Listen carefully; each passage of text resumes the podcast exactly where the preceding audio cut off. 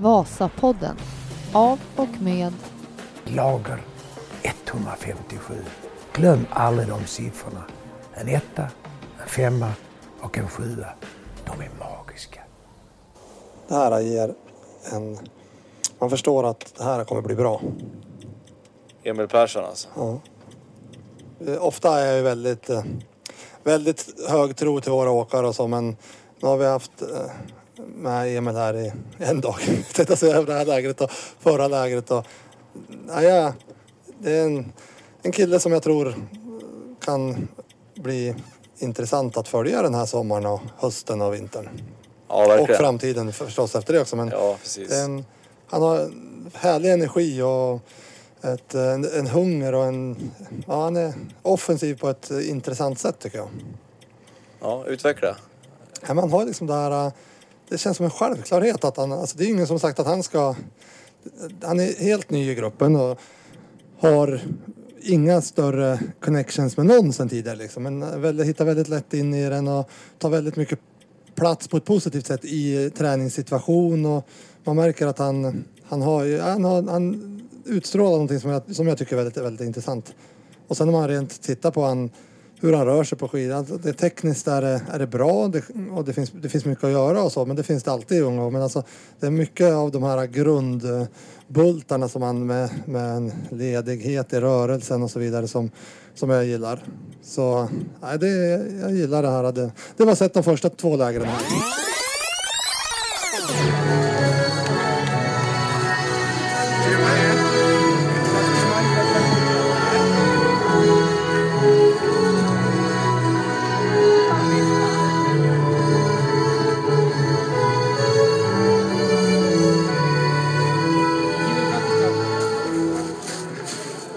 Emil låt proseccon flöda! Emil Persson, mina damer och herrar, vinnare av en hel radda. Och här slutligen Champion Competition! Vasapodden. De är magiska.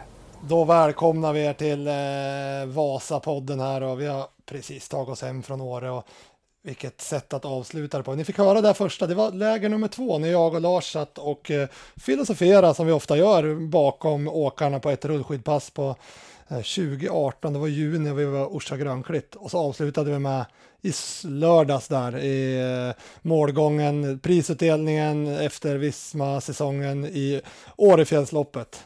Välkommen återigen Emil, eh, tillbaka till podden. Ja, tack, tack. Kul att vara här igen. Ja, och vilken, vi tänker så här nu att vi ska, vi ska bearbeta Årefjällsloppet i första, första läget den här podden, men vi kan ju inte, vi kan ju liksom inte bara hoppa över det som, det som har hänt här i vinter. Du blir alltså gul, grön, rosa, du vinner Alpen Trophy, Nordic Trophy och du blir legend på samma säsong. Du gör en karriär på tio veckor. Det är helt sjukt när man tänker efter att man, ja men verkligen gör som så här, man gör allting på tio veckor. Ja, det är... Ja, på riktigt, det här, de som sammanfattar en, en karriär med det här, de har ju haft en fantastisk karriär. Ja, det har jag gjort på en vinter. Det, jag, jag förstår nog inte själv liksom att man har gjort det på en vinter på något sätt. Att lyckas uppnå det här, allt det här. Nej. Det, Ja, det, det kommer nog ta några veckor att smälta in det där, eller månader kanske, det får vi se. Det, får vi precis. det här med legend, det har vi fått lite frågor om, för att eh, vi, vi börjar ju kasta oss med det, och dina lagkamrater alla börjar ju kastas med det begreppet i social media här efter lördagsloppet var det va? Eh, Förra helgen. Nej. Fem. ja, precis. Jag var efter lördagsloppet. Pre- Exakt. Precis, och, då börjar de och det är ju så att Ski Classic, man är legend när man har vunnit fem segrar. Och det, Ja. den klubben traskade du in i, i ja, efter... På lördagen. Ja, precis. Vålådalsrännet. Precis, så därför har, vi, har, vi, har, har det kommit i social media det där. Du, om vi tittar, tittar på det här nu då. Eh, den gula är förstås, eh, förstås eh, det, det stora att, att prata om då. När, när kände du att vi hade liksom, när, när började du rikta in fokus på den gula tröjan? Det var väl som efter Gisärska kanske. Ja. De har ändå tagit tre styck, fyra tävlingar. Eh, Ladigonella, Toblach, Marsan och Gisärska. Och så har man vunnit de där eh, Marsan och Gisärska. Så då har man jävligt bra läge. Mycket pengar hade man fått skrapa ihop. Och så bara, ja men då, och som på något sätt halva säsongen var gjord. Och bara, ja men shit, håller jag, i, håller jag bara i det här så kommer jag absolut vara i toppen på totalen. Ja. Ja, Sen det, var det kanske inte just att man skulle vinna, men att man skulle vara högt upp, det var redan klart på något sätt. Jag, jag kommer ihåg eh, efter Marsan så pratade du och jag lite, eller du sa bara det släng- när vi stod där efter att ja, nu ser det ju, nu, nu, det känns jäkligt bra i rosa nu. Så där var vi fortfarande liksom det rosa som, som var det, det vi fightade svårt för. När du fick en, en, eh, en klassikseger där som gav 300 poäng och så, då kände man att nu blir det svårt för de andra killarna att komma ikapp här hur den går på något sätt. Ja men exakt, det var ju rosa som var målet den, Ja, det- den här säsongen. Och Den, den var liksom, lite halvt grönt. Så blir det, blir det allt och, och gult. Det roliga är att i fjol då åkte du rosa hela säsongen och vinner den inte. I år vinner du rosa och åker typ ingenting i den. Nej, faktiskt. Man har lånat ut tröjorna. Ja, det, det, så har det blivit. Den, den som först, först, jag vet inte om han sa till dig, men sa till mig att, eh, att du kan vinna gult. Eh, Det var, eller som, liksom, som, som sa det till mig, men alltså som, som den första som började prata om, det var Öyvind. Han sa det redan i Toblarsson att fasen Emil, han kan vinna gult i år han. Eh, Det var... Redan Ja, Toblar, säger jag. redan Toblar sa han det, liksom, att det här kan gå, här kan gå hela vägen. Så han var ju, det, det, det, liksom, jag, jag hummade med, liksom, och han, har ju, han har ju varit med och vunnit några gula med, med, med Nygard och Tord i alla fall, va? Inte med Eliasen kanske, men Nygard och Tord. Ja, Eh, och eh, ja, ja, det tänkte man inte så mycket på då, men sen när det gick vecka för vecka och, och sådär och, och jag började egentligen tänka på det efter Vasan, ja. Eh, för före det kändes det som att det var mycket kvar och så där, men när Vasan kom och du var fyra där, då började man känna att nu är det ju, nu är det bara att streta mot den här och väldigt bra, bra, vi hade 30 poäng inför de här tä- sista tävlingarna. ja, det kände jag också att det var verkligen att jag var fyra på Vasan och att jag var fortfarande ledning och då bara okej, nu är det och så när man verkligen fick besked om att det var dubbla race i Vålådalen och så Årefjällsloppet som sista. Att jag tror det gjorde också mycket att då kunde man liksom hålla fokus de här sista veckorna. Att okej, nu är det tre veckor till och det, det är det enda jag ska fokusera på. Resten skiter jag i och att man verkligen levde i den bubblan de sista veckorna till. Det var nog viktigt för mig. Jag tror det hade blivit svårare om man kanske kört originalsäsongen ända ut i april. ja, ja. Så då, Ja, och det här tycker jag man såg på hela, hela laget egentligen, att de slöt upp kring det. Man kände efter Vasan att det varit en kraftansträngning för den här gula tröjan och när vi kommer till Livigno då känner man verkligen att nu jäklar är det fokus på helhet där på, på den gula tröjan. För hade du den känslan själv också att nu, nu stötte de upp mer än vad, de, mer än vad jag någonsin har varit med om liksom? Ja, faktiskt. Alltså, när man var och satt i Vålådalen där inför eh, Vålådalsrennen, man bara... Ja, nu känner man att alla verkligen brinner för den här och motiverade för Ja. gultröjan. Så det var, Och, och tror det var, mer, det var mer än vad man hade liksom gjort kanske inför Vasan och Ja. inför Jizerska. Då hade jag den liksom och då skulle den bara försvaras. Men nu var det verkligen att den ska hem. Ja. Tror du inte också att man tror på det? Att du nu, även om, att nu har du visat gång på gång på gång, så att nu helt plötsligt så rågar vi ryggen, rågar du ryggen på allihopa, att man verkligen trodde på det här. Liksom. Det är inte någon eh, Eliasen som kommer att åka dubbelhastighet som oss, och det är ingen eh, Nygard som kommer, eller Gärdal, utan vi har möjlighet Gör vi det här tillsammans, så kan vi faktiskt göra det. Och du hade visat helg efter helg att du vinner tävlingar, du utmanar de bästa i alla sorters sträng, att man verkligen, att liksom hela gruppen höjdes eh, självförtroendemässigt på grund av det. Ja, jag tror det. Alltså att, precis att man hade visat på att man kunde åka fort på alla banor och shit alltså. Ja, men han är stark i år. Så Ja. då, då kan vi också vara hjälpande dit. Ja, ja, ett fantastiskt avslut på en fantastisk säsong vart det ju lördags. Eh, vi kommer komma tillbaka med, med den här säsongen eh, i sin helhet med Emil och kanske någon annan och, utav de här som har varit med och hjälpt till också eh, senare i vår. Men idag så ska vi faktiskt bearbeta uh, Årefjällsloppet. Som ni ser nu så är vi tillbaka på fredagar. Nu har vi kört tisdagar med podden eh, under vintern för att hinna, hinna tävla emellan där. Nu kommer de ut fredagar igen. Eh, och här är ju långfredag så det passar ju perfekt att ni sitter och lyssnar på den här i lugn och ro idag. Årefjällslopp, Årefjällsloppet Emil, hur, eh, vad, vad tänkte du med det innan, inför säsongen? 10 mil och du känner ju terrängen väl. Vad hade du för känslor om den? Åh, jag var gru, det var grusamt. Det var kuperad och jäkligt tuff bana. Och så sen, eh, jag minns jag typ tränade tur och retur den kuperade slingan i fjol vår och jag, jag var helt färdig efter den turen.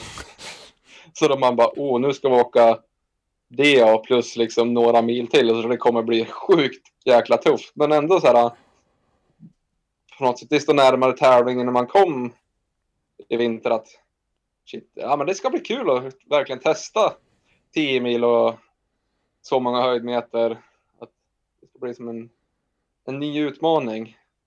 På något sätt så kan man ju ändå de här fem och sex milsloppen, då vet man ungefär hur de går till. Och, så det, var liksom, det var en helt annan grej att stå på start på Årefjällsloppet gentemot de tidigare loppen.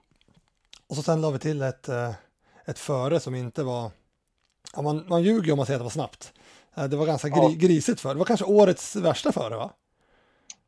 Jag skulle nog fan säga det. Ja. Var katastrof. Men lopp blev det och vi kom iväg där och eh, åker iväg och vi kommer igång och, och det, ja, du kan ju berätta, hur, upplever du starten egentligen? För man, det blir ju ganska fort, den, det är ju inte så jätteklunga så länge.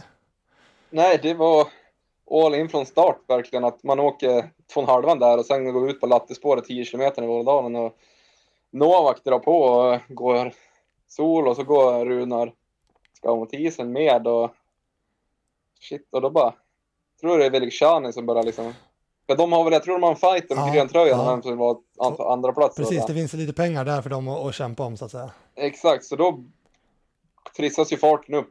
Eh, det är redan liksom efter tre kilometer i innelopp och sen går aldrig farten ner. Alltså, för Novak och Runar har luckat väldigt länge liksom, tills det är typ två kilometer kvar till sprinten och då har det gått. De har ju gått all in och vi har ju liksom, vi har inte tappat på dem. Så. Det var ett väldigt slit. Man åkte och jag snackade med någon, eh, slängde några kommentarer direkt efter, ja men, typ med 10 kilometer. Man bara, "Uff, det var en tuff start. Satan, det här kan bli jobbigt idag liksom. Att, på något sätt, att det, var, det var ingen som hade respekt för distansen där och då. Alltså nu, nu där kan du vet säkert mer, men jag slänger jag gick första milen på 26-27 minuter någonting. Kan det stämma? Det kan nog stämma. För att jag har för mig de sa det, jag hade tv-sändningen i örat, att liksom, ja, det, det är ju, nu förstår ni hur fort det går, testa att åka en mil på, på 27 eller vad det var. Liksom. Och, så, Ja, och det gick ju, det var inte lättfört det heller. inte direkt. lättfart och inte en, inte en, lätt, inte en lätt, lätt bana heller egentligen inte. Nej, nej, det är ju lite kupering så här, elsportkänsla på den. Ja, och sen kommer vi ner till Vallbo, det blir sportpris och det är vana trogen plockar du poäng eh, ner över Ottsjön och där eh, börjar det gå ännu fortare tänkte jag säga. Ja, precis. Det var ju samma sak där, Max och Velikshani som körde som fan in mot den spurten. Och då var ju Tord precis i rygg på dem och då tänkte jag att shit, nu kommer liksom Tord spela ut någonting för annars skulle han inte vara här uppe. Eh, så då drar han ju på liksom och håller bra fart första delen på backen. Men sen kommer man upp till vägen så börjar han klä av sig. Jag tror han har någon understället på sig. Så bara, åh, fan vad skönt. Då sänktes farten och jag, jag hamnade först. Perfekt liksom. Då, för då får jag styra tempot precis som jag vill ha det. Så Fantastiska Ja, tv tv-bilder där när det ser ut som ni är ute och går på söndagstur nästan. Ja, precis. För då var det verkligen att okej, nu är jag först, nu får jag bestämma tempo. Och då bara, fan, det kommer vara långt idag. Så då var det bara åka in tills man typ står still och bara börja saxa och bara gå liksom. För det, för det är jävligt ovärt ställe att ödsla kraft på och Ja. försöka skapa nå- någonting. Ja. För det, det är så långt kvar. Och, Brant satan är det där också. ja, ja, precis. Så det är liksom bara saxning man kan göra. Men du lyckades Ski Classics eh, plan här med att lura er att sätta två sportpris tidigt och väldigt nära för att liksom skapa så att det inte blev blev första 25 kilometerna verkligen transport utan eh, utan de här sportpriserna så kanske inte hade blivit den här starten på det. Nej, det tror inte jag heller. Alltså. Det var nog väldigt bra gjort att sätta dem där. För då, det skapar liksom, då, det händer ju någonting. Det, Ja. Liksom, det blir bra tv-bilder på något sätt. Annars hade det blivit rätt värdelösa tv-bilder. För då hade det blivit transport i 25 kilometer och lite Ja. hets in i backen. Men nu var det ju hets för spurtpriserna. Så det var... För, för tävlingens skull så var det absolut rätt. Sen åker vi upp mot Trillevallen där och eh, här, nu får du rätta många fel, jag, hörde, jag överhörde er, eller ni bara pratade lite om det här efter loppet, du och Karlsson. Ni, ni, ni fann varandra i backen upp mot Trillevallen där och slängde några ord va? Ja, exakt. Eh, ja, man åker och sliter. Jag tycker det är en jävligt tuff dag och sådär. Man går med det man har. Så spricker jag upp lite. Kollar bakåt så bara... Puff. Ja, gött. Karlsson är med. Så kommer liksom... ja, Kilometer senare så kommer Karlsson upp bredvid så slänger han ord. Så bara, Karlsson bara, det är bara du och jag kvar. Jag bara, ja, jag såg det. Eh, så bara, ja, hur många är vi kvar? Då var vi 18 stycken. Jag bara, oh. Hur fan orkar så många att hänga med? För jag var ju helt färdig då tänkte jag. Ja, det Men var... sen går det liksom lite, lite kontrollerat just vid Trillevarren så blir det ju körning upp mot, mot Climben igen då. Jag tror det är Mårten och Tord som går för Ja, den. För de har precis. väl en fight om andra och tredje platsen där då. Sen efter den så blir det ganska samlas ju fältet ihop. Jag tror det är ingen som släpper där om några 18 och på något sätt så här okej. Ändå börjar det ändå bli liksom lite respekt för distansen att det är långt kvar av loppet. Ja. Så det är ingen superkörning, men det går, går ändå på liksom. Och sen är det väl bort mot Grovfjället och över den. Det, det tyckte jag var som på något sätt det skönaste partiet. Där vart det lite transport ändå då. Ja, loppet hade satt sig lite. Men du, eh, det var ju en, en annan speciell sak med det här loppet, det var ju de här, eh, inte teknikzonerna, för det fanns det inte, men langningszoner. Eh, de hade satt ut nio zoner, det var enda ställena vi fick, vi fick langa vid då. Och hur, hur var det förresten? Är det skönt att veta att man inte behöver oroa sig för langare som springer överallt, eller, eller hade man hellre velat tagit var 50 kilometer som vi brukar eller var sjunde eller något liknande? Jag tyckte det var jävligt bra. Ja. För, precis som du säger att den, det är liksom de ställena man behöver vara orolig för att det är folk i, i spåret. Eh, och då är som alla får lagning där, så det är ingen som kommer göra någonting på något sätt. Att, Ja, Det blir ju nästan så här här, här att, tar alla, liksom, alla ska ha bälten, okej, alla bara köper, okej. Nu tar vi det lugnt, alla tar på sig bälten och sen kör vi igen på Precis. något sätt. Att, annars blir det liksom alla landning på olika ställen. Någon tar bältet där, någon slänger bälten där, det är folk som kör. Så ja, det skapar ju också liksom lite mer takt, taktik i loppen, då, men nu är det som att kanske just på det 10 milsloppet att ja, men där får vi göra det. Då var det verkligen att alla ska ha bälte, alla bara det är viktigt med energin. Så det var ingen som fuskade och skippade den och bara körde på utan så jag tyckte det var jävligt, jävligt bra grej. du och jag hade ju en session där uppe i Trillevallen just. Du får ditt bälte så har du satt fast en, en gel på den som flyger. Uh, och så kommer Karlsson två gubbar efter sig, lyckas få upp den till Karlsson och Karlsson stoppar den i munnen och åker kapp dig. Det, och du får en gel där. Eh, det hade ju aldrig funkat vid en vanlig langning där det är kaos och det går fort och, och sådär liksom inte. Nej precis, för då hade liksom, det hade man inte haft tid med. För Nej. det hade varit, alla hade inte tagit langning där och då hade jag liksom inte haft tid att plocka upp den och ge Nej. den till Karlsson och Karlsson liksom tog, tar ju ändå någon sekund för att liksom, sätta på sig bälte och offra sig för att han ska få med sig den gelen. Så du, så du är lite för det här då, att, eh, eller för, men alltså det var inte, det, det, att, att ha langningszoner det är inte, inte dumt liksom inte. Nej, jag tycker det var det är en bra grej. Ja, jag tror också att det kan vara, vara en framtid i det. Sen kommer ni ner till mig igen, då står jag i Edsåsdalen och då säger du att det har varit transport ett tag. Man ser på dig och Karlsson, vi har sett på tv-bilden att ni har åkt varandra nära hela tiden. Uh, man ser på er också att det finns mycket kvar att köra av. Men här upplever jag verkligen i den här 18 eller 16 mannagrupp som det var då, 18 tror jag det var, fortsatt va. Uh, att folk börjar bli krokiga. Man såg att det här är några som inte kommer gå med länge till. Upplever man det också i, även fast det är transport och så här, känner du också att här är det några som kommer flyga av eh, av tidsutmattning snart? Nej, jag tyckte inte det. Alltså, jag kände mig mer själv att snart kommer jag flyga av på något sätt. Ja, För, för jag tyckte jag fick slita eh, ner mot Edsåsdalen. Ja. Och jag som fick slita lite hela vägen och tänkte att ja, det är nog jag som flyger av snart. Men, ja, men så tar man den här backen upp mot andra climben. Ja, jag tror den är det är väl som en slagmotor, typ 10 kilometer. Och det är liksom ingen superhög fart, det är ingen som sopar på utan att det bara gnetas på och sen kommer man upp så bara, men fan, det är några som har släppt och verkligen har tagit slut och då är det, det är ju av tiden och längden som har ja. tagit ut sin rätt då, för det, är ju, det har ju som inte varit några attacker. Det är Stadås, det är Musgrave, det är eh, kanske någon jag glömmer nu som flyger av. Det är egentligen de som inte är eh, långloppsåkare som, som åker ifrån den gruppen då kan man säga.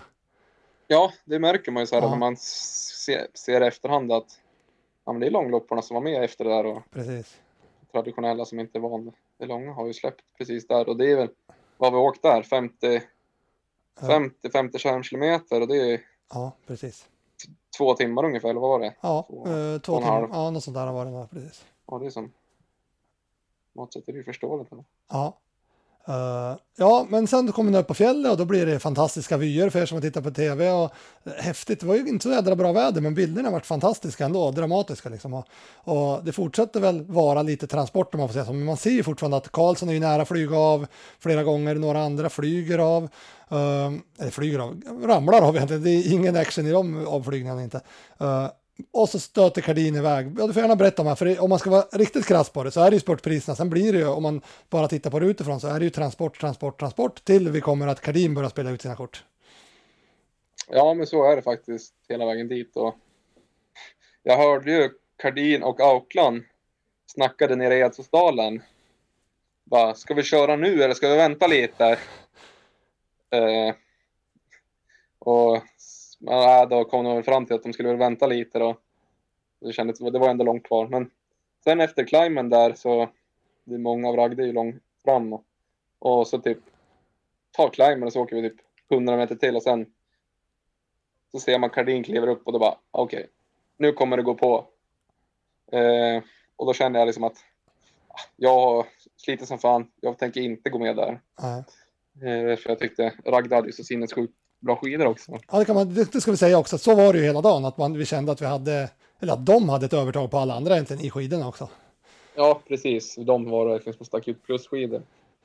Så, men det är väl typ Tord och Epe försöker ju, men vi håller väl på några sekunder, någon kilometer, men jag tror det är bara efter tre kilometer, då får han de här, ja men då går snöret lite att försvinna bort och då får han väl en minut ganska fort där och på något sätt så är det, folk kör ju våran klunga, jag tror det är mycket eh, Stian, Syrsta och EP Tord ett tag att försöka i alla fall, men vi tar ju absolut inte in någonting på honom. Han får ju bara mer och mer tid och så det är väl efter lyckans läge tillbaks mot Ottsjö att då har vi på något sätt accepterat, okej, okay, ja, Perdin är för stark idag, han kommer vinna det här. Eh, så det blir, liksom, det blir lite lugnare tempo i vår grupp tycker jag. jag. Jag tror nästan alla accepterar det på något sätt. Och liksom man, med facit i hand så kan man ju tänka att det är väldigt långt kvar och eh, folk kan krokna och fören kan ändras och skidor kan både bli bättre och sämre. Men på något sätt så känns det, man, man blir lite dum även om man står på sidan om där. Man, eh, det är bara tre och en halv mil kvar tänker man och det är ju, det är ju väldigt lång tid egentligen. Men där tänker man inte att det är så långt egentligen inte.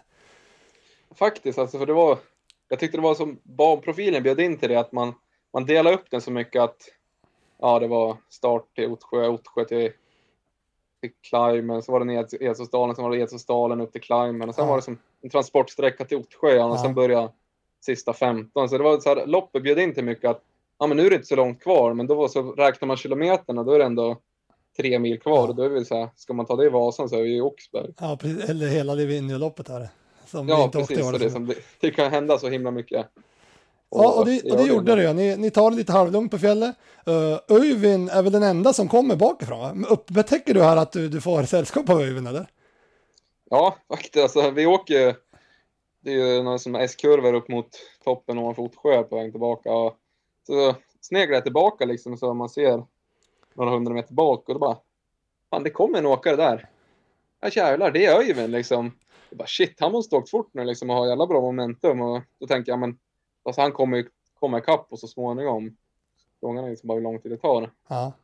Eh, så märker jag väl aldrig riktigt att han, när han kommer ikapp. För då, jag tror han kommer ikapp precis i utförsbacken. Ja, jag tror det. Jag tror det. Ner mot Ottsjö och sådär. Sen det där är ju häftigt, det där, just det där momentet. Sen att Öyvind är ännu roligare, men liksom att det faktiskt som Öyvind har en dålig start, liksom riktigt dålig start och är av i, i Ottsjö efter sjön där är han ju 40 sekunder efter och sådär. Men att det, här finns det faktiskt möjlighet att komma tillbaka i loppen så att säga, när det blir så långa och gnetiga och lång åktid. Ja, verkligen. Alltså att det, det svänger så pass mycket. Jag tror Westerhem gör ju som samma sak. Han är avhängd i ja. också, men han blir för, ja, man är väl flera minuter efter Edsåsdalen, men han är ändå 15 i mål. Ja, precis. precis. Ja, så det, det, kan verkligen svänga. Det är många, många som är så här, precis som du sa, att de som släppte i eh, Eds, upp från Edsåsdalen till Climben där, de är ju flera minuter bak oss. Ja. Så det, det, har ju svängt på de som har blivit trötta och de som har orkat hela loppet. Och... Precis. Så kan det ofta vara så att har man en dålig start på ett sånt här, eller även på när vi kör Vasapass, alltså de som är dåliga i början kanske inte kan komma upp i de här nivåerna, att, att det faktiskt är så hög belastning på hjärta och då kanske på det sättet inte heller på kolhydratsförbränningen. Och kommer man sen in i det så kan man känna sig oövervinnlig efter ett tag när, när man har de där, när man inte liksom har den här super, om man får säga, dagen för traditionell skidåkning. Man kan maxa, ligga högt i puls och mycket nära mjölksyretröskeln hela tiden, utan man får liksom hacka ner. Och när det blir de här långa loppen då, då kan man bli otroligt stark på slutet istället. Liksom.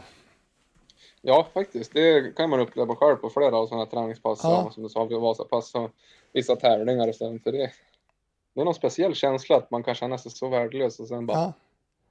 få bara liksom, åka några kilometer så kan man vara odödlig sen. Ja, det är häftigt. Ja, sen kommer ni ner eh, för en utförslöpa som vi hade pratat om, eller ni hade pratat, vi hade inte åkt den, men ni hade pratat om att det kommer gå något så jävligt. Alltså precis utanför där ni- där ni bodde bland annat var det en kurva och så där. Så kommer ni dit så är det ingen hastighet alls i den tror jag. Nej, det var, det var ju så blött och det var så mjukt så man gled ju knappt. Så den var väldigt lugn. Och så träffas du och jag där nere på Otsjö på isen nästan till och så säger jag så här, det är tre minuter till, eh, till Kardin och så, så jag tänker att eh, ni, ni får köra om andra platsen. Och så tror jag du också tänker då va?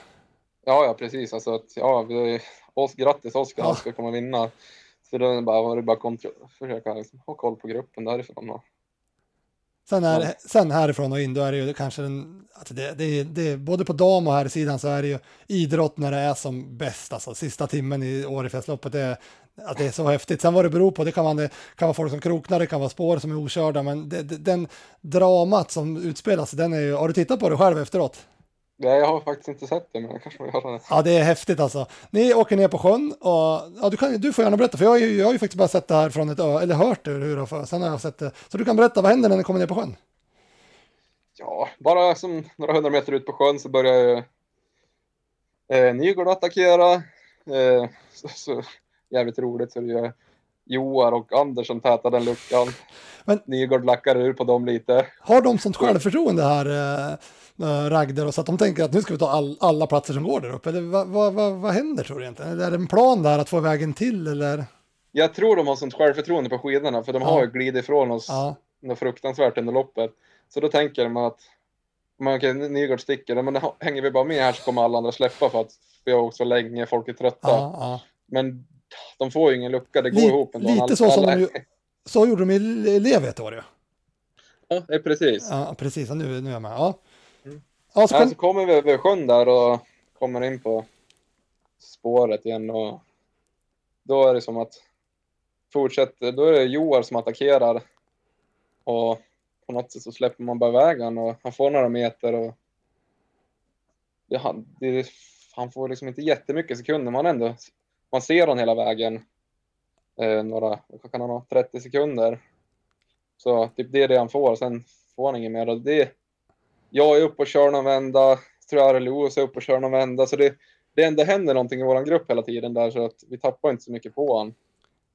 Eh, Men det går ju jäkligt tungt att ligga först på något sätt och, och där det har varit okört så tar det som stopp. Så alla ligger ändå på ett led och man märker att folk är slitna för man- man tittar bakåt så här att med en väldigt liten fartökning så då blir det fort några meter. Ja. Och sen gick det ihop lite direkt, det blev avslaget. Då, så. Folk var ju på limiten. är det någon kommunikation i gruppen här eller är det bara liksom överleva stavtag för stavtag för sig själv nästan här eller? Nej, det var ingen som snackade någonting. Nej. Och det, tror jag, ja, det var ju eh, Ragde som snackade om att ah, låt dem gå. Eh, grattis, så är det så här att nu, spel, nu spelar vi ut det här taktiskt så stå på Ja. vem där typ. Eh, men sen känner jag liksom att när vi kommer till, åker över Vårdån och över bilvägen där, då det blir lite kupering och att och här gick det lite lättare igen för jag tror att där hade alla åkt på exakt samma ställe. Det var skotrar som hade kört. Och, så då tycker jag att det släpper på lite bättre. Och det blir ju kupering som sagt. Och så sneglar man bak och då spricker det mycket i våran klunga. Ja. Ja, Anders sopar på en vända så svarar jag på den och så, så sneglar jag bak. Då är det bara Anders, jag och Ian som har några meter. Då tänkte jag fan, är det guldläge för mig också att så så, kör, kör jag det jag har några kilometer där upp till Valbo och så kommer ju du och du och Laggar där eh, som har tydligen sett någonting som inte vi andra har sett. Att Oskar och liksom har ju säger att de har parkerat och krokna och eh, Joar är typ ikapp dem och det är bara det är en minut. Men det, det visste inte du då? Du, du var fortfarande inne i dina tankar att det kunde vara tre minuter till Oskar då? Ja, ja precis, för vi hade inte märkt något. Det var när vi lämnade sjön så var det tre minuter och Ja. sen vad är det därifrån upp till Valbo, fem kilometer. Ja, Och så är- är det en minut och ni säger att han är krokig och de har parkerat. Så då får jag liksom ändå liksom att fan, shit, det här kan ju verkligen gå. Så då fortsätter jag bara köra och det spricker ju upp på våran klunga. Så Sen kör du. Liksom, sen kör jag all in några kilometer tills vi kom ikapp dem där. Alltså, här gör ju du årets jobb till att säga. Så det här, äh, här hedrar du den gula tröjan och visar vem Jag tyckte det där var lite gött det, för att det, pratas ju om i både tv-sändningar och så här att du är ju en jäkla spurt liksom och, och så där. Och så visar du här efter fem timmar att äh, ja, jag kan mer än spurta om man säger så. Ja, faktiskt på något sätt så kände jag också på att under loppet, fan jag är så jävla nöjd liksom. Nu har jag tagit den här gula för då känner man att den var säker verkligen. Ja, ja. Nu, jag har inte dragit en meter i vinter, nu är det, nu är det min tur och ska visa att jag kan också. ja. Eh, med- att spurta. Och, och folk släpper ju verkligen och det är efter fem timmar så. Eh, sådär att Hur mår kroppen Sen väl- Jag tycker kroppen svarar liksom att jag har den här känslan att jag tycker det är gött att ta i. Ja. Sen det det går ju inte fort efter fem timmar, men jag känner att inga problem att sopa på och kroppen svarar och det där. Det, Man ser ju det på tv-bilden här också att du Alltså det är liksom ingen snack om att du ska göra, flytta på det, utan du tar ditt tempo så eh, i alla fall känslan är att du är ganska säker på att jag kommer plocka in det här när du börjar se dem och det är 30 sekunder och sådär, att du vet att det går lite, lite fortare och det här kan jag, känslan är liksom det här kan du hålla hur länge som helst den här farten. ja, precis, för det hade jag också. Att just det tempot kunde jag bara köra och köra och köra. För jag tycker att jag släpper upp stigen någon meter och så, back, när jag, så får jag stå bakom han och bara, fan, här var det riktigt skönt och då plockar vi in lite hela tiden och sen kliver han åt sidan och bara eh, och då funderar jag inte ens bara att någon annan ska köra utan att nej, den här tar jag liksom utan problem. Ja, Sen kommer vi ikapp tjejerna där, vad kan det vara, fyra kilometer kvar. jag skulle tro det, ja, precis. Så då bara, ja fan vad gött, nu är vi ikapp i täten här och Tjejerna ska också säga så här, här är ju också här i täten. Kardin och, och, ja precis. och Tele har ju blivit kvar i, i tjejtäten de. Mm, så de, man ser ju att det är Tele och Oskar ligger först i den klungan och kör typ det de har. Så kommer vi typ ikapp och man bara, oh, fan, nu har vi riktigt momentum på de här. Då. Hur, hur känner du då? Känner du nu kommer jag kunna vinna eller känner du att nej, det här, det, nu får jag lura dem om jag ska vinna för jag har bränt ganska mycket här nu. Ja, lite så att jag har ju offrat mycket och det, ja, man är ju sliten och jag har på något sätt spelat ut det jag hade och hade väl hoppats på att det skulle väl vara, ja men kanske jag, Stian och Andreas som skulle ta ikapp Ja, tjejerna, men när vi kom ikapp de där då, så inser vi också att shit, det tar ju ett tvärstopp att ligga först. Det är helt omöjligt. Man kan inte ligga bakom skoten, ingenting.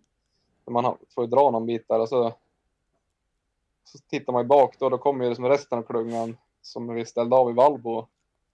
Det är ju Tord, det är EP, det är Öyvind och några fler. ja det är någon till då ja. Eh, Syrsta va? Ja, exakt. Man bara, shit, ja ja. Det var ju jäkligt tråkigt på något sätt. Ja. Eh, ja, det, så, så- är det ju. Och då skjuter de iväg Johaug där för att, och de, för att fortsätta spela sin, sin taktik och det är ju smart då, men den har du koll på va? Ja, precis. För man ser, på så- som jag sa, liksom, att det går så jävla mycket lättare att ligga bakom. Och för ja. man ser att Johaug får ju, vad kan ha, så här 40 meter? Ja, något sånt ska jag tro att han. Det är inte så det, är liksom, det får han precis rycket. Ja, Så jag ökar liksom inte farten heller, liksom bara, bara mörsar på och har han hela tiden på ja, 40 meter, 40 meter och tycker att ah, men det här går liksom, det här går jag kapp om jag vill ha, gå ikapp det. Men det är så, här, så länge jag vet att han är där framme så är det ingen annan som kommer att attackera. Så då, är jag liksom, då har man koll på läget på något sätt. ja. Eh, liksom skulle fler börja köra och det skulle bli mer attack attacker så skulle man liksom det skulle bli svårare att kontrollera. Då tyckte jag att där hade man kontroll. Här, det är väl här någonstans vi förlorar loppet också. Alltså hade vi, för här är ju inte Öyvind i kappen, ska man komma ihåg. Så vi, du är ju Nej. ensam i gruppen.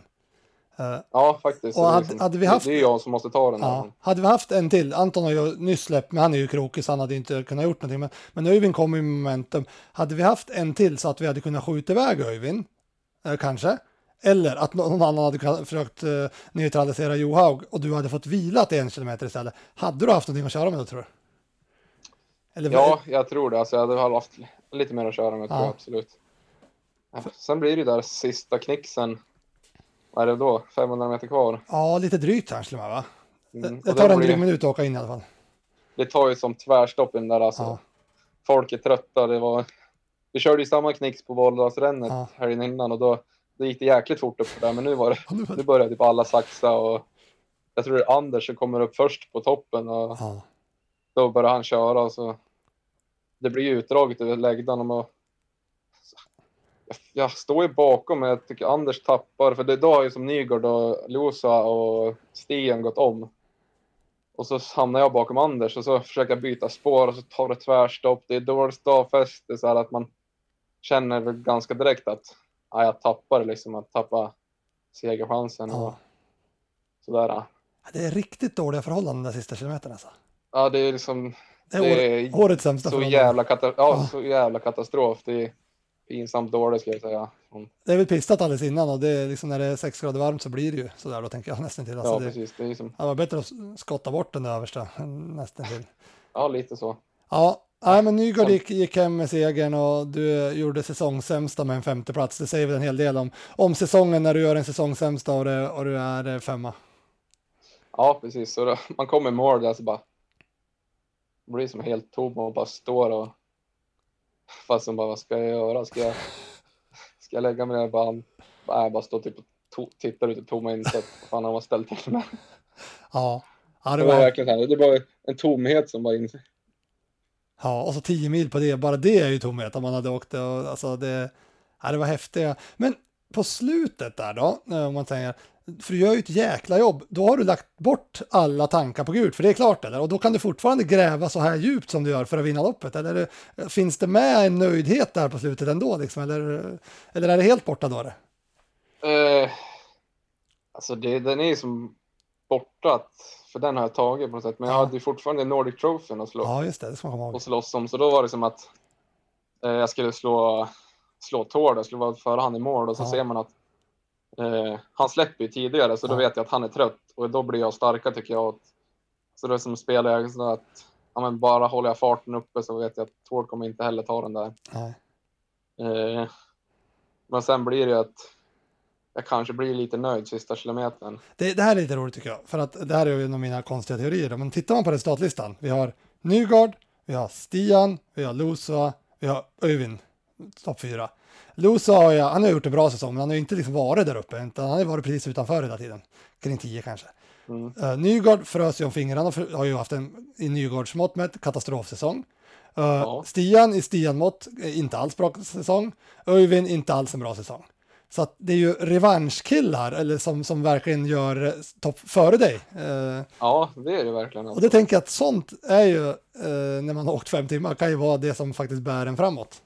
De, kan vara, de var nog hungrigare än, vad jag var. Ja, så är det. Sen är det är ju, väl ändå ja, hunger som spelar roll de sista kilometrarna. ja.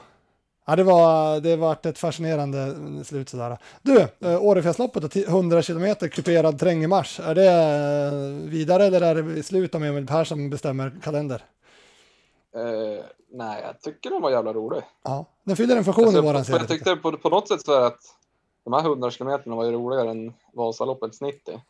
Ja. Ja, det det här har man verkligen någonting. Man, man får dela upp loppet på något annat sätt. På Vasan är det, det är en, en sak på något sätt. ja. det som är lite minus i det här. Alltså, det är bara hoppas på, på bättre väder och bättre före. ja, Och det är det som är svårt att få till när man arrangerar i fjällen. och så där sent alla fall. Kanske måste lägga lite tidigare. Det går inte att lägga det för tidigt Ja. heller för då är det svinkallt där uppe istället. Och driver Ja, igen precis. varje dag. svårt att hitta någon Ja, bra helg. Det, kan ju, det krävs så lite för att det ska vara så dåligt på något Ja. sätt. och det dagen innan, eller dagen, ja, dagen innan men dagen efter, då hade det varit årets lopp istället. Ja, när man drog upp rullgardinen dagen efter. Nästan Strålande sol, Ja. vindstilla, blå, klarblå himmel. sex grader kallt. Ja, liksom skrattar oss i ansiktet. Det, det, det minuset i det hela som jag tycker är lite ovärdigt för båda, det är väl att det blir en gemensam sport på dam och herr. Alltså det blir så, så avgörande, alldeles i damtävling blir så avgörande att killarna kommer ikapp. Uh, det, det är väl det stora minus. Det är jättesvårt att säga. Det startar 45 minuter innan. Det trodde väl, jag vet inte vad de hade för tanke med det, men det- 45 minuter, vi diskuterade det innan. Det känns ju som att det är nästan tänkt att man ska gå mål samtidigt typ. Ja, ja precis. Alltså, det är ju som, räknar man bara på det man åkte in under vintern, att så länge startar de Ja. innan, så länge mycket brukar vi åka in, så kändes det liksom, ja det är 45 minuter vi Ja. kommer vara före dem. Ja. Och det, Och var precis det vi blev. Ja, det kändes lite sådär för att hade man tagit en halvtimme då hade, ni, då hade det varit på fjällen någonstans innan och då hade de, varit, då hade de fått tävla själv bakom. Och, Ja, exakt. och hade det varit en timme då hade de varit i mål i ja, 10-15 minuter innan ni kommer. Och det kan, Precis. ja, så det kan, kan man väl fila på det systemet. Då. Ja, Emil, då, nu är det slut för 2020-säsongen. Då bara ligga på soffan och tänka lite på vad du har ställt till med eller? Ja, faktiskt. Det blir väl Hur, några skarturer. Hur mår kroppen nu då? Är det knoppen eller kroppen som är sliten eller inget slitet eller, vad, en kombo eller vad ska du säga? Jag skulle säga att kroppen var förvånansvärt fräsch dagen efter och dagen efter Ja, med tanke på att åka 10 mil. För jag har mått sämre av att jag åkt Vasaloppet tidigare än vad jag gjorde efter de här 100 kilometerna. Sen känner man att så här, luften gick ur en och att man kanske är mentalt trött. Men så, ändå inte så illa. Jag tänker ändå att på något sätt känns det som att det har gått så bra. Liksom. Man har haft flytet, man har haft flowet att på något sätt det har bara fortsatt också. Jag tror det kanske var, kan vara nästan värre av att om man åkt en dålig säsong så kan man känna att "Puff, äntligen, för fan, äntligen väck med det här. För nu, nu har det ändå gått så pass bra så att ja, man har bara trivts och med. Sen var det där på lördagskvällen så du och jag satt och så sa så, fan hur känner du? Liksom, är det motivation eller är det liksom tomt eller är du omotiverad av allt det här? Så, och du säger ganska direkt att ja, nej, jag vann ju inte Vasan. Det säger väl lite grann om vart du är mentalt för tillfället också någonstans. Att det finns jag tycker mer att att- hämta så att säga. Precis. Så ja, det blir, eh, det blir en spännande tid att se det här och en fantastisk säsong som avslutades med ett, ett värdigt slut där på Årefjällsloppet då. Ja, det var ett, absolut ett, ett värdigt avslut på Ski Classic-säsongen. Ja, speciell säsong, tio veckor, pang på. Vad körde vi? Åtta lopp? Ja, det blev det. Ja, det... Ja. Det så var är det. lite roligt att ha, ha, ha, ha den säsongen på något sätt istället för Jag tror vi kommer att prata om den här om tio år. Kommer du ihåg den här säsongen, coronasäsongen, när vi såg på hela säsongen på två och en halv månad? Ja, Precis. Så, ja. ja, du, jag tackar dig för den här gången. Vet du vad jag ska göra nu? Nu ska jag hoppa över till Elin Molin som eh, har meddelat att hon ska kliva åt sidan från sin skidsatsning. Så ska vi prata lite med henne också. Ja, Så tackar vi Emil, så han är snart tillbaka. Så han har faktiskt lovat här när vi satte igång också att frukostklubben kommer tillbaka. Ja, vi får väl se. precis. En ny tappning. Exakt, en ny tappning också. Ja, det är grymt. Bra Emil, ta hand om Ja, dig så hörs tack vi så snart. mycket. Tack, hej. Vasapodden. De är magiska. Då traskar vi vidare här i podden och nu är det från Emil till Elin. Välkommen Elin. Tack så mycket. Du, du gick ut här i, gick ut hårt jag säga, men gick ut, eller lugnt kanske man säger. Du eh, gick ut i alla fall i måndags var det på Instagram här och sa att nu är det färdigt och finito. Exakt, det stämmer bra. Känns det så här med några dagars, mm, vad säger man, eh, distans till det? Alltså det har ju varit väldigt blandade känslor såklart. Alltså det är inte jättelätt måste jag säga. Alltså det här har ju varit mitt liv. Ända sedan jag började på skidgymnasiet egentligen. Eh, så det är ju några år som jag har varit skidåkaren Elin Molin. Ja, Och nu kliver jag lite utanför den komfortzonen. Eh, men alltså det, det känns rätt. Men alltså också lite vemodigt. ja. Så är det ju.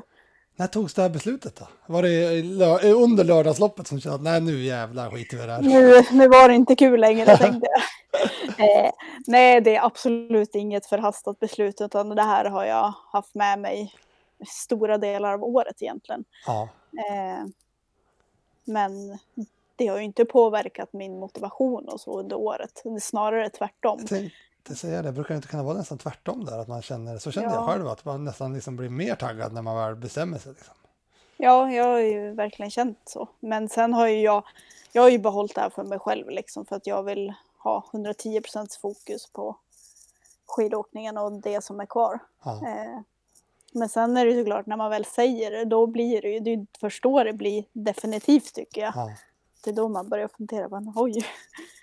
Men, nej men det, det känns rätt. Men också svårt, för det är ju klart, det är ju vissa delar som man kommer sakna. Så är det ju bara. ja det är ju inte bara, det är inte bara, det är en hel, ett helt, en hel livsstil egentligen, kan man säga.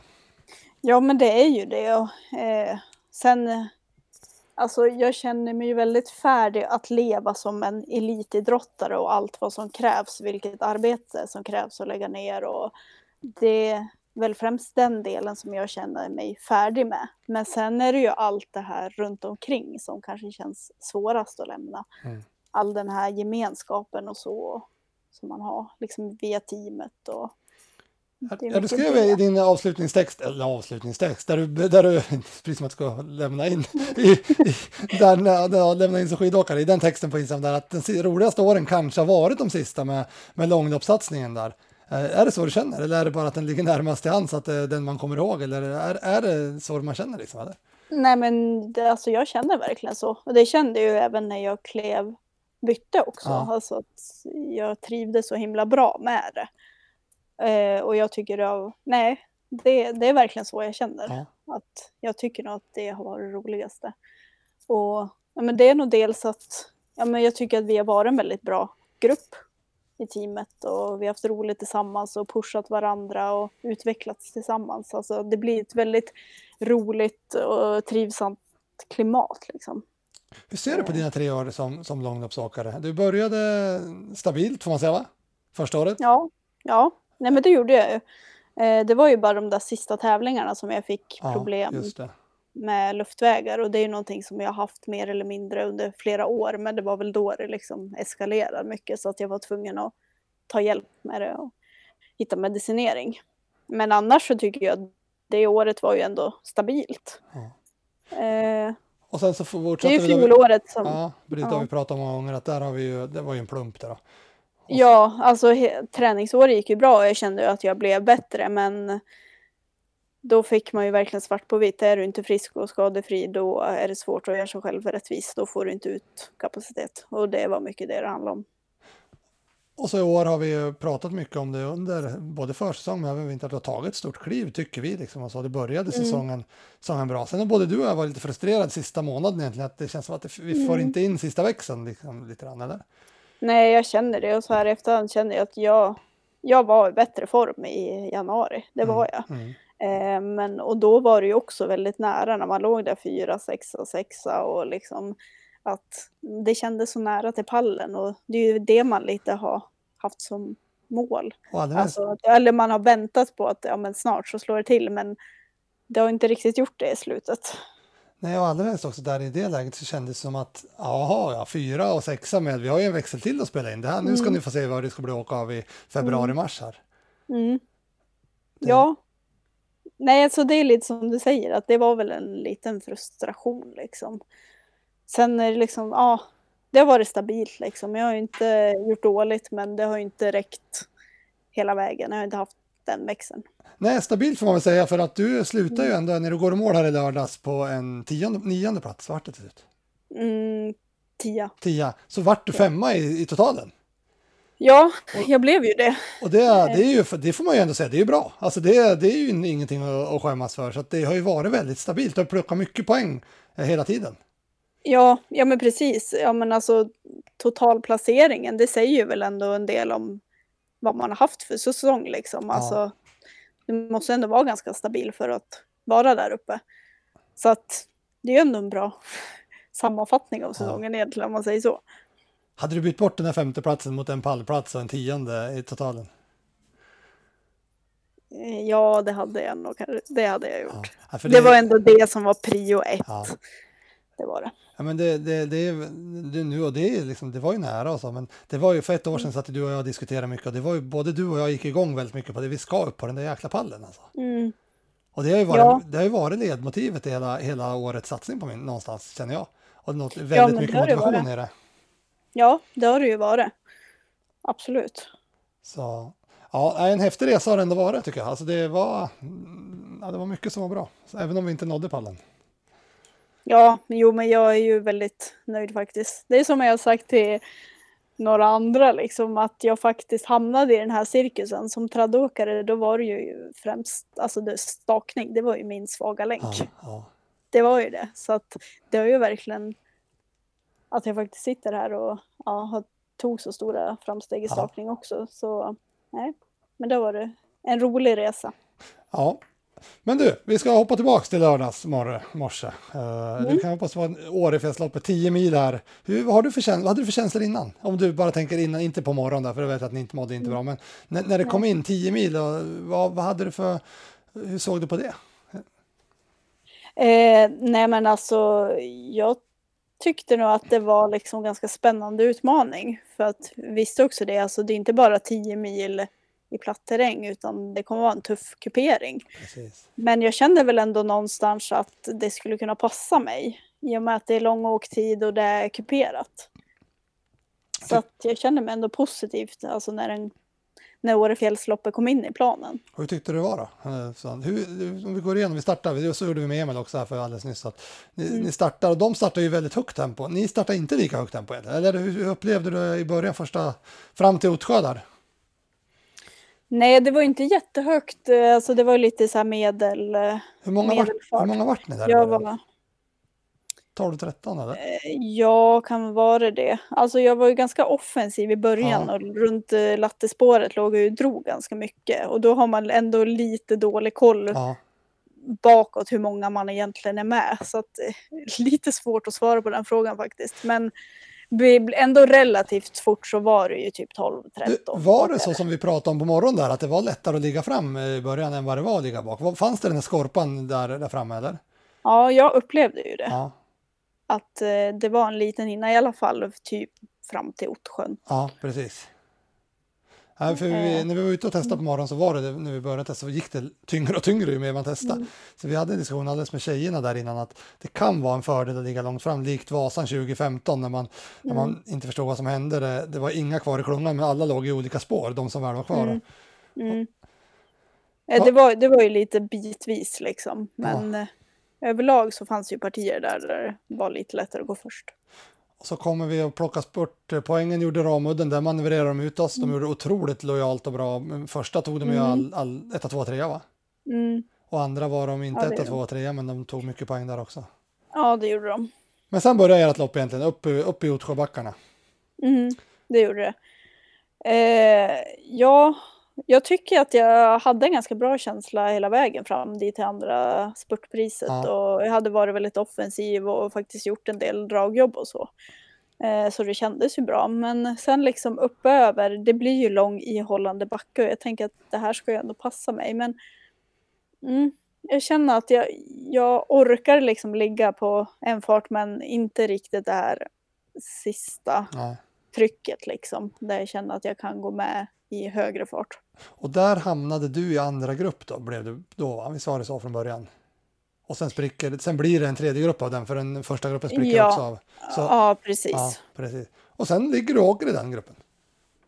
det var jag och Laila som eh, åkte tillsammans och vi hade ju gruppen med eh, Britta och Sofie och Smotna framför oss som vi såg i princip Ja, stora delar av loppet, speciellt liksom från andra climben när vi kom Ja, upp på ja. fjället. Då har vi ju typ sett dem hela tiden och ett tag så kände jag men nu åker vi ikapp och sen dras det ut lite igen och så ja, men det var väldigt nära på slutet ändå. Ja, fascinerande för att när, när ni kommer till Edsåsdalen där jag står andra gången där, då är det en minut Mm. tror jag fram till dem och två minuter fram till den första. Men Mm. alltså det är otroligt, ni åker tio mil men ni, ni typ åker lika fort men ni åker aldrig tillsammans. Nej, det är faktiskt lite komiskt. Ja, det, men det blir så att det är så små, små grejer i ett lopp som avgör vilken klunga man hamnar i. Sen är det ju inte otur, vi, Ja. det här har vi pratat om så många gånger, men Ja, absolut. stora delar så går de här 15, kanske, ja, 15 första tjejerna lika fort. Men så finns det små partier där det går så väldigt mycket fortare som man blir den här minuten och sen så åker man i, i marschfart igen. Ja, ja, precis. Och egentligen hela vägen från Edsåsdalen och upp till den climben, då såg vi inte dem. Ja. Det såg vi väl, så jag tänkte att nej, nu har det nog blivit längre. Ja, liksom. ja. Men sen kommer man upp på fjällen och man ser lite längre och bara, men där är de ju. Och sen, Ja.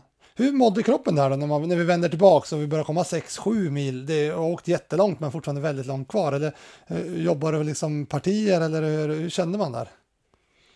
ja, alltså det var ju mycket att dela upp loppet. Alltså på det sättet så var det ju ganska tacksam bana att det Ja. fanns, alltså man kunde lägga olika mål hela tiden liksom.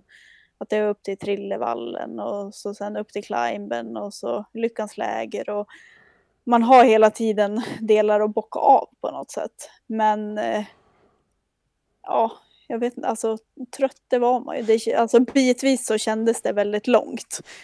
Vad, liksom, vad kom man, hade man hela tiden tävlingstankarna? Liksom? Jag tänkte, vi pratade, jag och Emil också lite tidigare om, om det här med Öyvind som bara kommer. Alltså det det, det Mm. bjöds ju in på alltså att man aldrig ger upp. Det pratade vi om dagen innan också, att det här kan, man Mm. kan liksom plocka hur mycket som helst sista milen. Ha, orkar man hålla den pushen i, i, där du och Laila när ni åkte också? Liksom, eller, eller blir det mer att bara ta sig framåt och hoppas på det bästa? Alltså, ja, alltså det, det är ju lång tid liksom som man tävlar och jag försökte också hålla ganska mycket fokus på teknik och Ja. för att behålla drivet för att inte liksom släppa efter, att Ja. man då tappar tid så. Eh, men sen blev det mycket, alltså speciellt på slutet så motiverades jag och Laila mycket av att vi såg dem där, där Ja. framme. Och det är som du säger, det är ett långt lopp, alltså folk kan bli trött. Ja, så är det, och blir man trött på ett sånt långt, lopp då kan det gå fort att Ja. man tappar.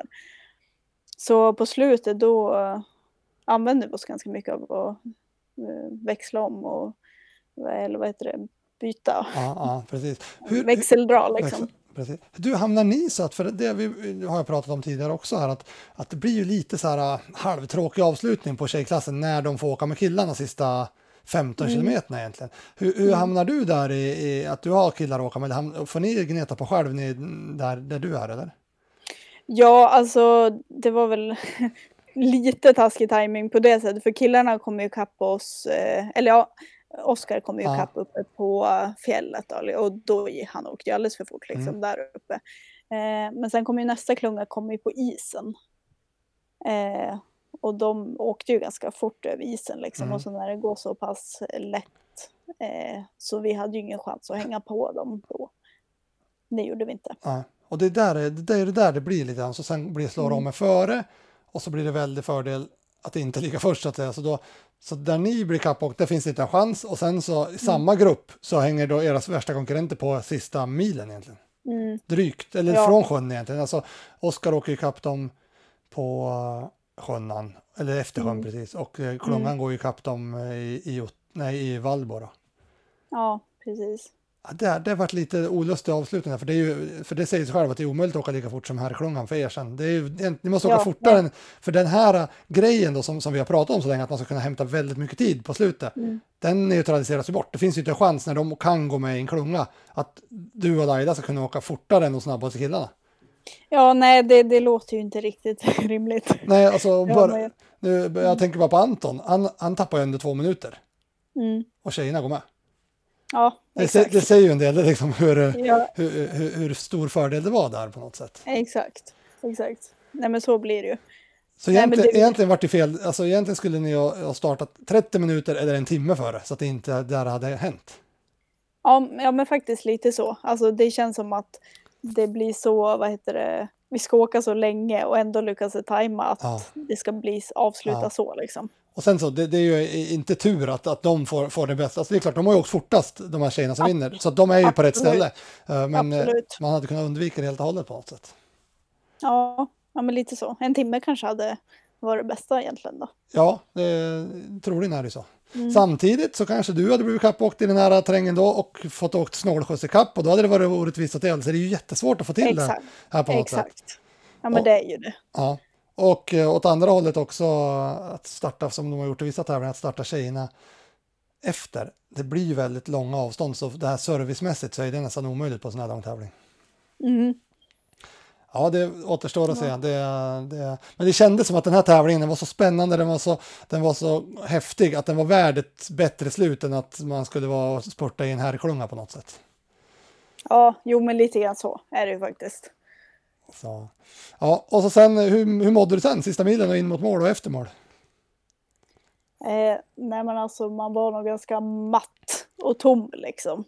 Man, man kände ju det liksom när jag och Laila försökte växeldra liksom och skulle, ville komma ikapp men det, liksom, det hände inte så mycket längre. Eh, Hade, nej, Fanns, eh, fanns de här avsluts eh, sista lopptankarna med där eller är de borta under loppet så att säga? Eller? alltså faktiskt så tänkte jag inte jättemycket på det. Eh, men eh, bitvis så tänkte man på det för motivations skull. Ja. Liksom bita i och ta ut det sista. Eh, Och så hade jag ju mina skidor jag kollar ner på eh, ibland. Ja, de får ni titta på, de finns på din social media. Där. Exakt, så, Så- Då, då blev jag ju påmind och liksom bara, men nu, nu kör vi. Alltså, när man var trött kunde man kolla ner. Sen när du gick i mål då, hur kändes Var det klart då? Liksom, eller var det mer bara "Uff, skönt att det här var över? Eh, nej, första känslan var nog liksom att man var ganska trött bara. Ja, Att man, man blir ganska tom egentligen. Alltså att man inte känner så mycket, det låter så konstigt. Men alltså man blir mer bara tom. ja, Ja, ja. men ja. Ja, då var det färdigt sen då. Jag kommer ihåg vi pratade om det, du och jag målade. Ja, nu var det klart. Nu, nu, nu. Det blir inte Ja. bättre än så här. Målgång Nej. ett, ett regnigt år, eller Vålådalen. Det var ett fint slut på en fin karriär. ja, men det var fint. Ja, det var det. Du, vad, vad skulle du ranka som din bästa prestation eh, eh, genom alla de här, ja, ända sedan du började egentligen? Man får väl säga att man kanske började satsa som, som, som junior då, före det är man väl mer eh, barn så att säga. Men efter det, vad, vad är din största prestation och vad, vad ser du som din största merit? Oj, ja men det är väl alltså mm, teamsprinten i, i Pyeongchang. Före OS där? största. 20, Ja, Vad pratade vi Ja. 2017 va? Ja, exakt. Ja. Så att det är väl det liksom största resultatmässigt så. Ehm, Tillsammans med Marias Nordström. ja, exakt. Sveriges lag 1 eller lag 2, då var ni? Laget. Ja. Mm. Och sen alltså i, i långlopp så blir det ju, det blir ju tävlingen. Ja. Det blev ju som sagt, som vi var inne på, det blev ingen pallplats. Nej. Men Toblers var ju så nära det kunde. Toblach säger också, det var en fjärde plats med, alltså det kändes så bra den dagen. Alltså, alltså just där Ja. utifrån, det kändes, nu var vi nära på något sätt. Och jag var ju helt övertygad om att när ni varvade där, vad var det, 40 sekunder till Lina åkte fortare än runt Mm. stadion, att det känns som att där kommer ni kunna vinna liksom. Ja. Nej, nej men det, det var en väldigt rolig dag. Alltså det var väldigt kul att tävla den Ja. dagen. När man känner att man är pigg och vi är offensiva och ja, det var en rolig tävling helt enkelt. Ja. Mm. Du hade ju några tjejvaser där också innan teamet egentligen som var riktigt bra. Ja, då, eh, jag har ju en fjärde plats där också där Ja. jag spurtade om pallen. Ja. Så att den där pallen är lite kinkig. Den ska du inte upp på helt enkelt. Nej, ska inte det. Så jag låg väl där fyra, femma, sexa, sexa tror jag Ja. hade fram till i år. Ja, Mm. och det är fint så. De flesta kommer inte ens dit ska man komma ihåg. Nej, så är det ju. Så. Nej, jag är väldigt nöjd ändå. Du, visst pratade du och jag om det här uh, för en podd tidigare, vad du ska göra, alltså hur, jag- om vi pratar styrketräning och jag frågar typ om, är det på gymmet du kommer hänga när du inte blir skidåkare? Jag kommer inte ihåg vad du svarade heller, men hur kommer du Ja, fort... just Kommer du ihåg vi pratade om det? Helt oberoende av att du skulle sluta eller inte, vi bara kom in på det på något Ja, sätt. det stämmer nog. Eh, ja, men jag tror faktiskt att jag kommer hänga lite grann på gymmet. Jag tror att jag kommer köra korta intensiva pass och gymträning. Rullskidor då, är det något du kommer skita i i sommar tror du? Oj, svårt att säga. Nej, kanske inte helt. du är, Men för, många spyr ju på rullskidorna liksom när de slutar, men det så känner du inte heller? Nej, inte på det sättet. Men jag tror att det kommer vara när, mer nära till hands att dra på sig löparskorna. Ja. Eh, men nej, jag tror inte. Någon gång kommer det säkert bli. Men jag kanske inte kommer att vara ute och staka fem timmars pass lite då och då. Kommer du liksom följa förfallet i Påskjärg tror du? Titta på ditt test, hur mycket sämre det blir per månad eller eh, sådär? Nej, men, alltså jag har faktiskt tänkt på det där. Det blir så tydligt. Så att det kan vara lite jobbigt. Ja, men det kanske är bra, det kanske är en bra studie Ja. för dig själv att veta. Ja, men så här, har ni tränat så här mycket och så sen så tränar ni så här många timmar eller så här många pass efter så blir för, förfallet Ja. så här lå- långt eller fort eller långsamt. Faktiskt. Men det, jag har faktiskt tänkt på det och det är en, en sak som jag tänker mig att jag skulle kunna ha med som träning. Alltså gå dit och bara riva av ett kort pass. Ja, precis. Precis. Ja, det, det, Mm. kommer man se dig, kommer du vara mo- motionärstävla? Tjejvasa, Vasalopp och så vidare? Mm, jag tror inte det. Men Nej. man ska väl aldrig säga aldrig. Nej. Men Fram- jag, jag drivs ju av att träna så det kommer jag ju fortsätta göra. Men inte samma mängd. Framtiden får utvisa helt enkelt. Ja, lite så. Ja, men du, då får vi tacka för den här tiden i teamet. Du kommer säkert dyka upp på, på så vi vidare, men som åkare då är det slut. Ja, och jag får väl passa på att tacka också liksom att jag har fått den här eh, chansen att få vara en del av teamet. Det är värt jättemycket och det har varit fantastiskt. Kul att höra. Nöjet har varit på vår sida. Då, och tack för att ni har lyssnat på den här podden. Eh, Det var ju sista racepodden för året. Nu går vi in i lite vårdvala, får vi se vad vi hittar på. Men podden kommer fortsätta rulla eh, på fredagar från och med nu då. Så får vi se om det blir varje vecka eller om det blir varannan vecka. Det får framtiden utvisa. Se hur mycket vi har att göra. Men för den här gången, tack och bock. Vasapodden. Av och med Lager 157. Glöm aldrig de siffrorna. En etta, en femma och en sjua. De är magiska.